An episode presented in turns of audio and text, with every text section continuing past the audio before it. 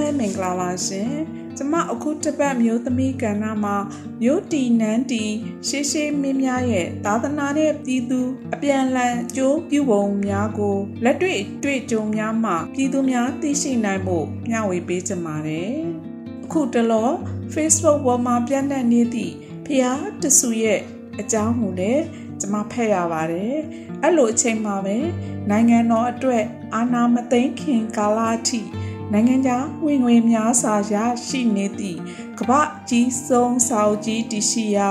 မန္တလေးမြို့မန္တလေးတောင်ခြေကကုသိုလ်တော်ဖျားမြင့်ဖျား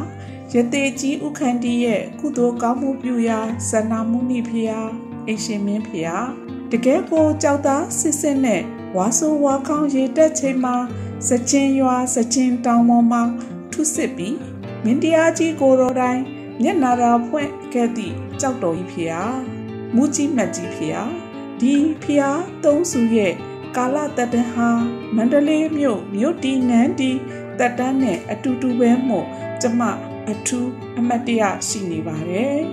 ဖျားတဆူစီမှာတမိုင်းချောင်းကစားလို့ ပြည်သူကိုအကျိုးပြုသည့်ပညာရဆိုင်ရာအသိပညာများကိုရရှိနိုင်မှာဖြစ်သလိုကဘာလက်ခီးသည်များဝင်ရောက်လေ့လာနိုင်သည့်တမိုင်းမှတ်တမ်းဝင် နေရာတွေလည်းဖြစ်ပါတယ်။အခုတော့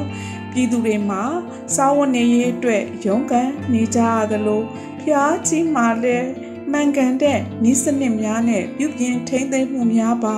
ဆုံးရှုံးနေရတဲ့အနေအထားကို ရောက်ရှိနေပါပြီ။အခုဆိုရင် အာနာရှင်တွေဟာသူတို့အာနာမြဲဖို့ဘာသာသာသနာကို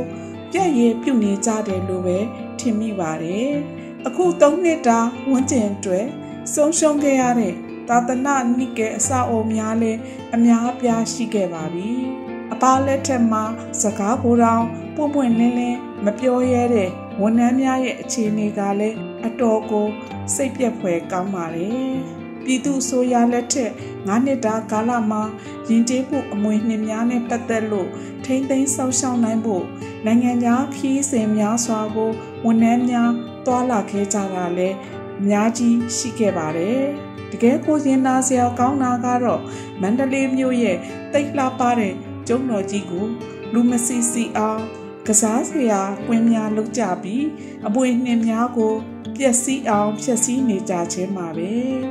ကျမတို့ငယ်စဉ်ချိန်ကဆိုရင်ကျုံးကိုမြင်းလဲလေးနဲ့တက်လဲကြည့်ရှုရတာတိတ်ကိုပနာတိလှပါတယ်ထိမ့်သိမ်းတာတွေကာကွယ်တာတွေမတိနားမလဲခဲ့ပေမဲ့အခုလိုဖြက်စီးပြစ်တာကတော့အင်မတန်ရှားပါပါလိမ့်မယ်တကယ်တော့ ဝန်ထမ်းနေဆိုတာမိမိတို့တောင်းကိုမိမိတို့တန်ဖိုးထားရမှာဖြစ်တယ်လို့မိမိအလုပ်ပေါ်မှာလည်းအမှန်မှားထောက်ပြဝေဖန်နိုင်တဲ့စမ်းရည်တတ္တိများလည်းရှိရမှာဖြစ်ပါတယ်ဒီလိုအာနာရှင်တွေခေဆက်ဆက်စိုးမိုးခဲ့တာကြောင့်လေသာသနာနဲ့ပြည်စုဆိုတာအမြဲသွေးကြွဲခဲ့ရတာပါသာသနာကဖျားဟောတရားတော်တွေကို ပြည်သူတွေကိုဝေမျှရင်ဓမ္မဆိုသည့်အေဂျင့်သည့်မေတ္တာတရားကိုတိဆောက်ကြရတာပါဒီအတွက်ခေဆက်ဆက်သောမင်းများကသူတို့ရဲ့အာဏာတည်မြဲဖို့သာသနာပြုမင်းဟူသည့်ခေါင်းစဉ်အောက်မှာပြည်သူကိုရုပ်ဝတ္ထုပစ္စည်းများနဲ့ဆွဲဆောင်ကြတာလည်းခေဆက်ဆက်ပါပဲ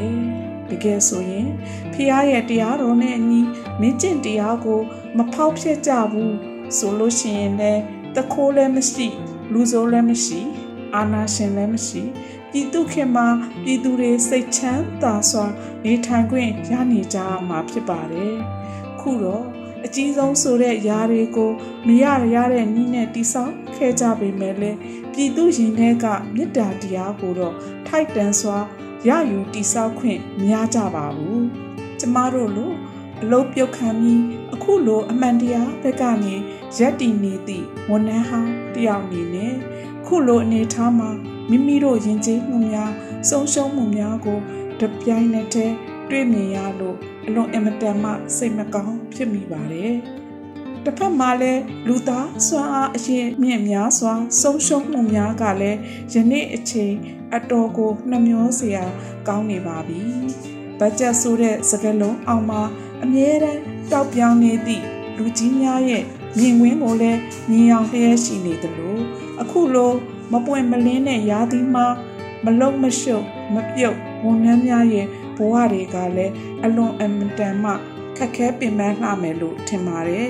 တကယ်တော့အာနာရှင်ကိုတီတန့်စေခဲ့တာလဲကိုကြိုးကိုသာကြည်လို့ယာဒူးစည်းစိမ်အောင်မှာစောင်းနေဆိုတဲ့ မပြေလည်နိုင်ပါဘူးဆိုတော့ခေါင်းစဉ်အောက်မှာအမြဲခေါင်းငုံနေတတ်တဲ့ဝန်ထမ်းများရဲ့ခံယူချက်တွေကြောင့်လဲကျမတို့နိုင်ငံကြီးမတိုးတက်တင်သလောက်မတိုးတက်ခဲ့ရတာပါ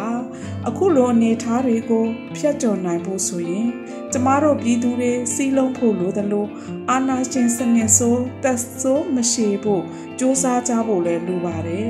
ကျမတို့ပြည်သူတွေမှာအခုဆိုရင်ဘဝတွေရင်းပြီး အာဏာရှင်စနစ်ဆိုးအောက်မှာအသက်ရှင်နေထိုင်ကြရတာပါမထိုက်တန်တဲ့လုံအားကားမဆလို့လူခွေရေးဆုံးအဆဆရရ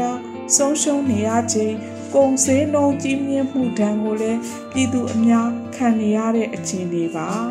ဒါကိုကျမတို့ပြည်သူတွေမျက်ကွယ်မပြုကြပဲလွတ်လပ်သည့်နိုင်ငံဖြစ်ဖို့စ조사ကြရမှာဖြစ်တယ်လို့ပြည်သူအများလိုလားနေသည့်လူပေါင်းသည့်ဒီမိုကရေစီကိုလည်းတည်ဆောက်နိုင်ကြမှာ ဖြစ်ပါတယ်အထက်ကကျမပြောခဲ့သည့်စကားကိုပြန်ကောက်ရမယ်ဆိုရင်ဘယ်မင်းဘယ်ခေတ်ဘယ်စနစ်ဆိုးမှာပဲဖြစ်ဖြစ်မျိုးပဲတီတီ